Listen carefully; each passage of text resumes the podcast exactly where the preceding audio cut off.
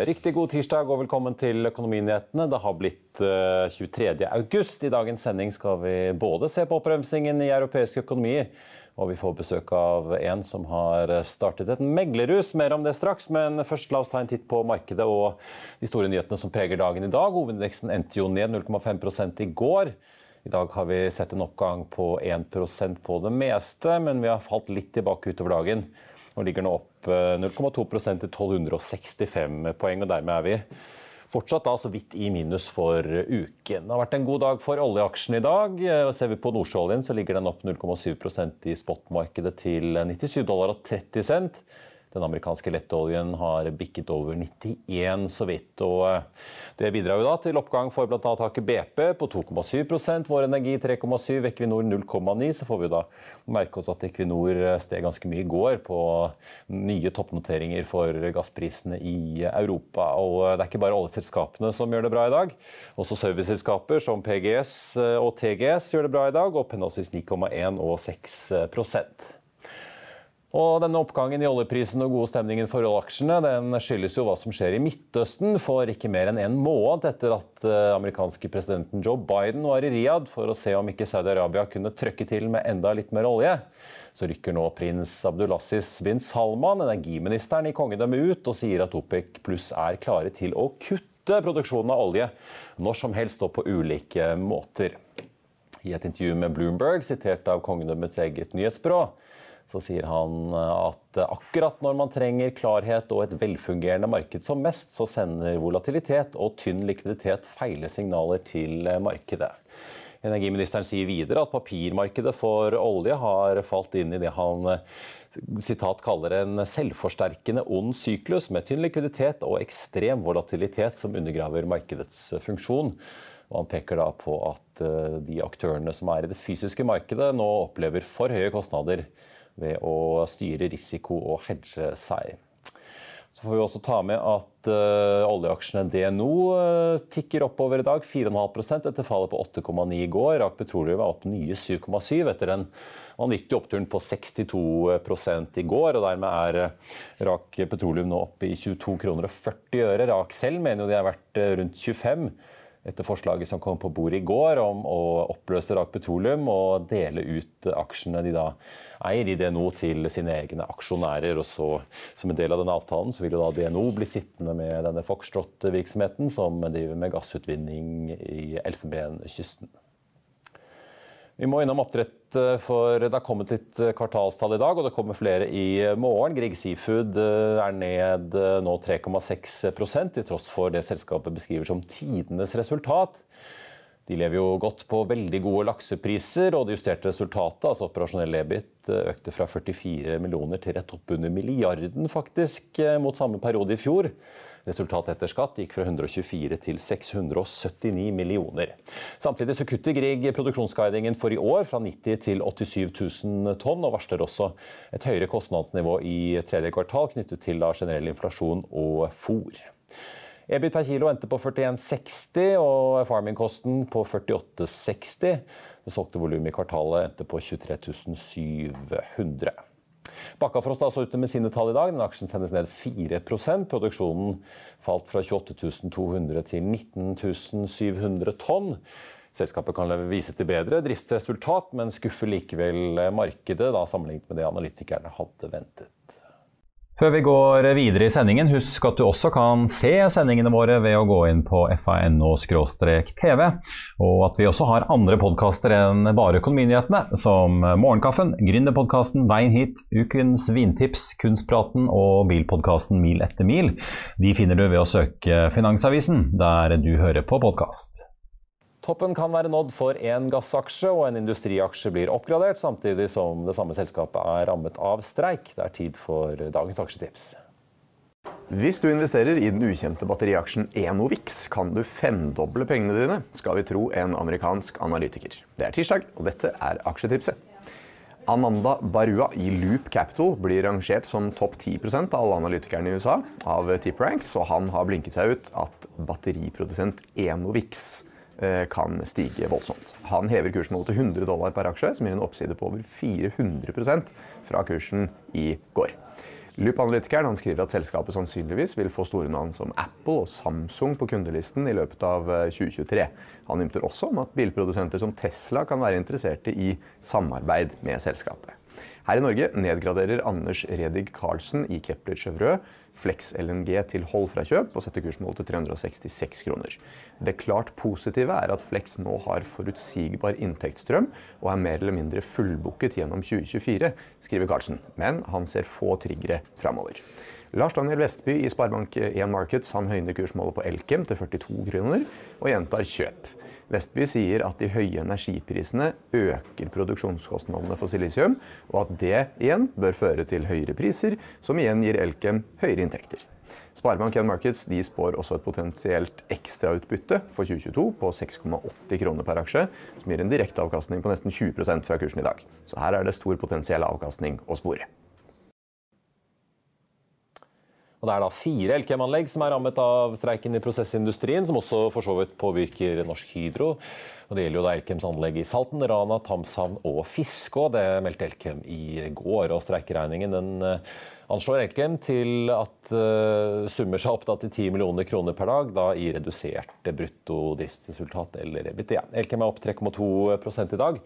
Og så får vi også ta med at Flex LNG er ned 2,8 vi må innom et par andre analytikeranbefalinger. For ABG Sundal Collier føyer seg inn i rekken av meglere som nå nedjusterer kursmålet på Crayon i lys av forrige, forrige ukes kvartalsrapport. De går for et kursmål på 2,63 til 2,28. Fortsatt langt over dagens kurs, som ligger på rundt 120. Et annet selskap som blir nedgradert til hold, er Telenor. Det kommer i form av en hilsen fra danske bank Markets. Meglerhuset har byttet analytiker og setter det nye kursmålet til 125 kroner. Det er rundt 12 kroner over dagens kurs. Telenor er ned en 15% så langt i år. Og så får vi da minne om at Telenor holder en kapitalmarkedsdag 20.9, der vi jo følger spent med på en rekke ting, inkludert strategien videre i Asia, og hva de skal gjøre med disse nye infrastrukturselskapene sine. Både på fibersiden og også på eh, den passive infrastrukturen til mobiltårn. Martin Husby Karlsen eh, i DNB Markets, som jo følger riggmarkedet tett, er ute med en gjentatt kjøpsanbefaling på Sidril. Han mener Sidril henger etter og ser en oppside på nesten 70% Han peker bl.a. på at han mener det er lav likviditet i aksjen, og at dette skyldes alle disse kreditorene som sitter igjen på eiersiden fra altså Sidril sin andre chapter 11-prosess, som ble ferdigstilt tidligere i år. Vi husker jo da at eh, både den norske staten gjennom Eksfin og store kjente banker som Deutsche Bank, DNB og Nordea plutselig ble da sittende på listen over de største aksjonærene. Han har nå da kursmål 450 kroner og kjøp, altså. I dag er aksjen opp et par prosent, rundt 270 kroner.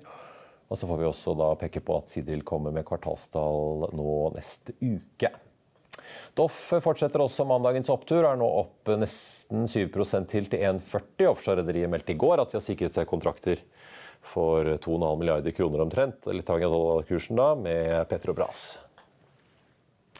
Så er det kommet kvartalstall fra B2 Holding. De svekket både driftsresultatet og bunnlinjen markant i andre kvartal, og aksjen er ned 3,5% Hydrogenpro doblet tapene sine i andre kvartal. Men selskapet ser fortsatt lyst på fremtiden, og den aksjen er opp 8 da skal vi over til en eh, si, gruppe, gruppe gründere som allerede har etablert seg innenfor smålån til bedrifter og næringsdrivende, men som nå vil ta steget litt videre og etablere et meglerhus. Og for å fortelle om hva som nå skal etableres og hva dere skal finne på nå. Så har jeg fått besøk av deg, Espen Kittelsen, daglig leder i det som da heter Funding Partners Securities. Velkommen. Takk for det. Hyggelig å få komme. Bare hyggelig. Du, eh, vi skal straks ta for oss Securities, men la oss bare ta Funding Partner først. For det er jo en eh, virksomhet som eh, noen som følger fintech-segmentet har sett og lagt merke til. Ja. Og som jo Skipsted og DNB har gått inn som investorer i. Hva er det Funding Partner gjør? Funding Partner er en plattform som kobler sammen selskaper som har behov for finansiering, med, som, med enkeltpersoner som ønsker å investere i lån til bedrifter. Ja, og det er altså, Miniobligasjoner, kan vi kalle det? det kan godt kalle det, men det er, ja, det er en fint, fint begrep på det. Og det som skiller seg fra det nye vi skal gjøre, som faktisk er obligasjoner, er at dette reguleres som som crowdlending, og ikke som en obligasjon. Ja, og da har vi sett, ja, for det er jo Funding Partner, Cameo, det finnes noen aktører i det markedet. Det virker ja. som det har vært i ganske bra vekst. og det lånes jo penger ut. Veldig mye eiendom, får vi si. Mye leiligheter og hytter og hus som pusses opp og den type ting. Men også legekontorer og filmselskaper som trenger finansiering, har jeg sett. Ja, det er en, et eh, ganske bredt spekter av bransjer som har søkt finansiering gjennom Funding Partner. Det er riktig som du sier, mye eiendom. 60-70% av eh, volumet er nok eiendom. Eh, som sikkert òg speiler bankens utlånsportefølje. Det eiendom er en stor del av økonomien. Men også mye tech og, og andre småselskaper som søker finansiering gjennom oss. Hvis man sier da, i hvert fall ut fra det jeg leser, så virker det som Funding Partner går eh, opp til 30 millioner omtrent i lån. Det har ikke ja. vært så mange like store som det. De fleste ligger jo på, på 0 til 10. Um, dere skal fra hva sier dere, 30 til 200. Ja, det... Er, det, er, det, er, det liksom, er, det, ordentlige obligasjoner, eller er det en slags mellomløsning? Nei, dette er, kan jeg kalle det ordentlige obligasjoner. Dette er regulert som et eh, verdipapirinstrument. Ehm, derfor den nye konsesjonen, at vi er et verdipapirforetak. Ja, Som dere har fått fra Finanstilsynet? Ja. ja, den fikk vi nå rett før sommeren. Ehm, så med den så kan vi nå utstede obligasjoner. Ja, og det, Er det det produktet dere skal satse på, eller vil det komme andre typer produkter òg? Nei, nå, nå, satser vi på obligasjoner. altså Funding Partner er veldig gode på gjeld til eh, små og mellomstore bedrifter. Og det skal vi egentlig fortsette med, bare litt opp i størrelse. Ja, da, men altså, forklar meg det. Vi har, vi, altså, man har jo Pareto, DNB Markets og alle de store meglerrussene. Du har jobbet eh, nesten syv år i Carnegie, så du kjenner jo systemet godt. Mm. Eh, de er jo mildt sagt aktive i obligasjonsmarkedet alle sammen. Ja. Men er, de har jo gjerne kanskje, om ikke krav, så er de ikke så veldig interessert hvis ikke eh, du fort snakker 100 eller 200 millioner som skal lånes. Hva er det dere gjør for å kunne lage butikk og, og overleve i segmenthunder? Ja, det stemmer. Sånn, sånn, vi ser dette markedet, så er det nesten ingen som, som tilbyr dette produktet i dag. Eh, de store meglerhusene har ofte minste størrelse på ja, flere hundre millioner kroner før det er interessant.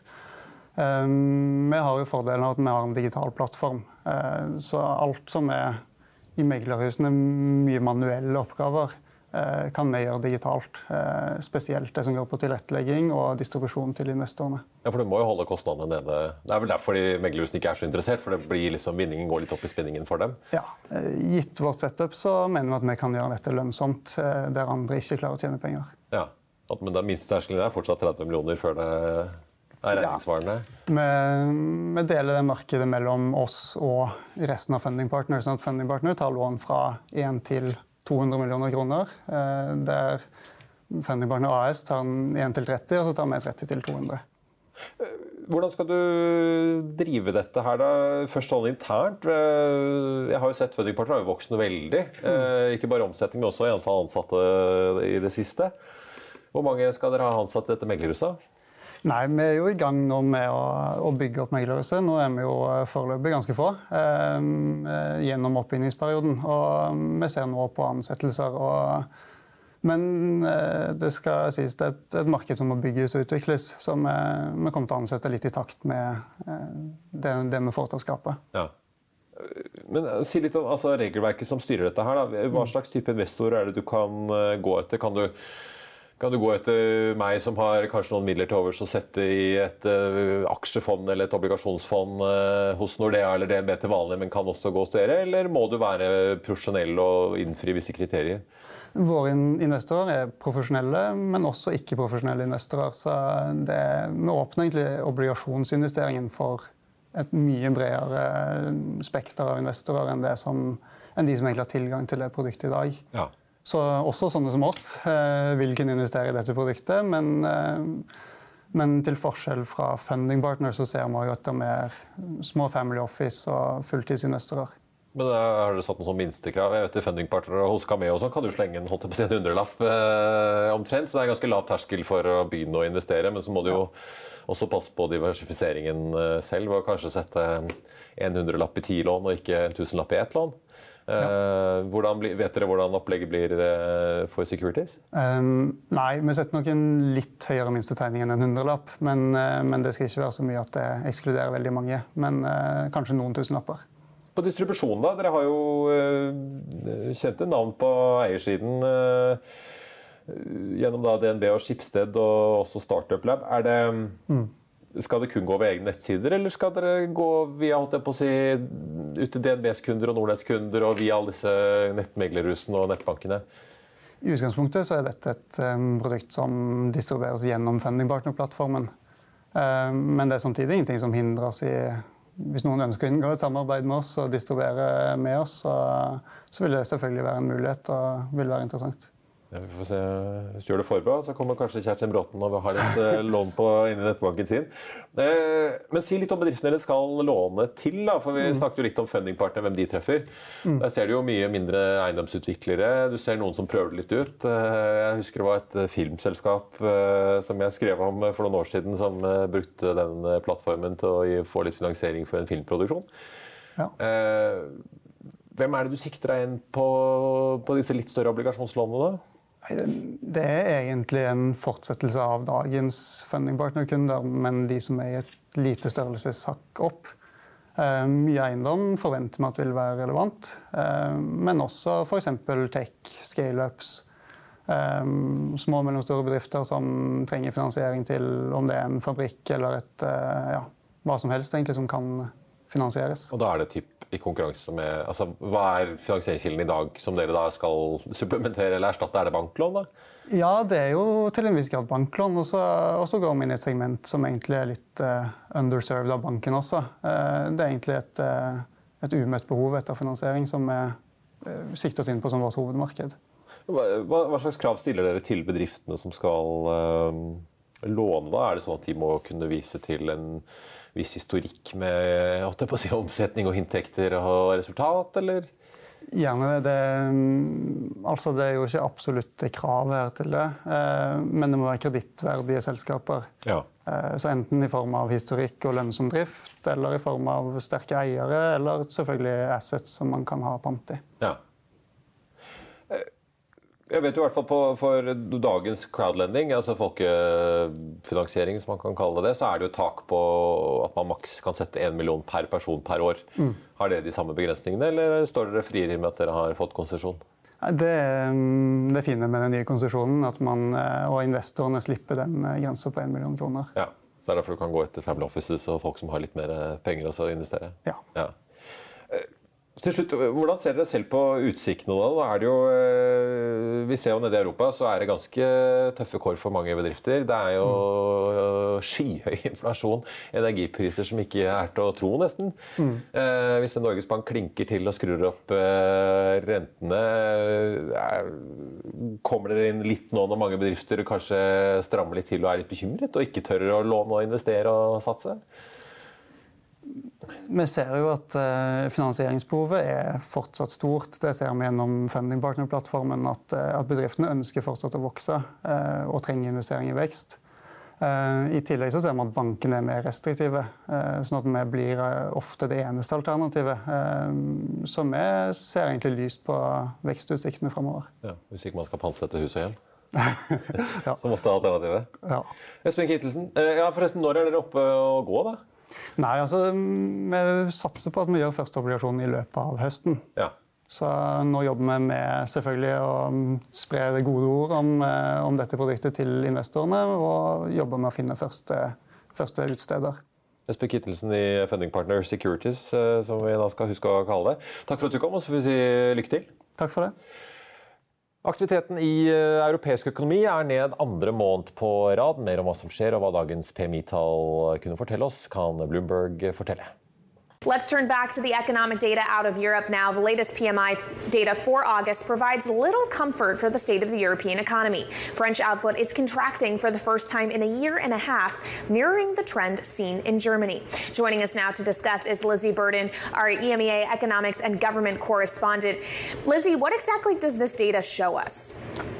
Well, Kaylee, let me walk you through it because there is quite a lot. France has unexpectedly contracted. Germany has continued its contraction, but we saw that coming because of its reliance on Russian natural gas. And then across the Eurozone more broadly, you saw this contraction driven by manufacturing, but it's also in services like tourism because of the impact of inflation. So it heralds a difficult end to the year for the European economy. Our economists and economists surveyed by Bloomberg do see a recession on on the horizon. And it's a headache for the ECB because, of course, it's continuing to hike interest rates despite this momentum coming out of the economy. Yeah, a lot of people watching the energy story and asking just how weak the Eurozone economy gets then through the winter, uh, Lizzie. A lot of people asking similar questions about the UK and that manufacturing PMI number today. So certainly will give a lot of people something to think about. Yeah, the UK is still in growth territory, but manufacturing took a real blow. Really, it's only a matter of time until the story catches up with the UK. Uh, you've already got consumer confidence here at the level consistent with recession. Uh, I should note, though, our economists are saying that a recession in the UK will be milder than previous ones because of healthy household balance sheets, because of the fiscal stimulus we're expected from, expecting from whoever comes into number 10. Uh, but still, while Liz Truss is saying that recession isn't inevitable in the UK, Bloomberg Economics says she can only cushion the blow. A recession is coming. Får vi ta med at det er uh, jevnt over rødt på alle de store europeiske indeksene i dag. UK 100-indeksen er ned 0,75. På tappen av sendingen så tenkte jeg vi skulle uh, titte litt på hvordan markedet ser ut akkurat nå. Uh, vi får ta med at CVM Offshore, den store vinneren i dag, opp 13% De kommer jo da med kvartalstall om to dager.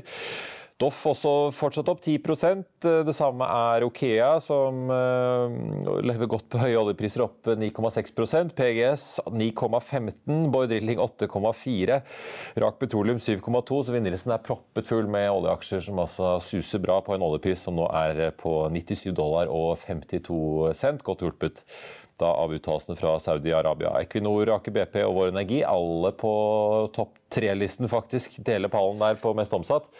Equinor opp 1% mens Aker BP og Vår begge opp eh, litt over 3% Så eh, får vi også ta med da ellers at Futures Wall Street peker så vidt i grønt, så det ser vel ut til at det blir en litt nøytral start eh, når markedet åpner der om en snau halvtimes tid. Grieg Seafood ned 3,4% etter sine kvartalstall. Bakkafrost, som også kom med tall i dag, ned 4,4 og Apropos nedgang i europeisk økonomi, i Finansavisen i morgen skriver Trygve om fastprisavtaler som Livbay, og hvordan det er god grunn til å frykte en forferdelig høst og vinter for næringslivet med de energiprisene vi nå ser i Europa. I avisen i morgen kan du også lese om hvordan rentemarkedet rigger seg før USAs sentralbanksjef Jerome Powell skal opp til Jackson Hall på det kjente møtet med Salmanown for å holde tale. Og så blir det børsintervju med Forte-forvalter Morten Schwartz og mye, mye mer. Det var vår sending på denne tirsdag 23. august. Takk for at du så på. Så er vi tilbake igjen her i morgen klokken 14.30. I mellomtiden får du som alltid siste nytt på fa.no. Mitt navn er Marius Olsen. Så håper jeg du får en riktig fin dag videre. Takk for nå.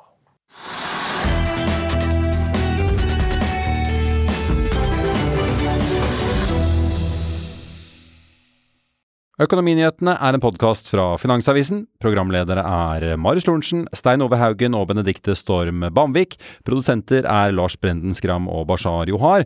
Og ansvarlig redaktør er Trygve Hegnar.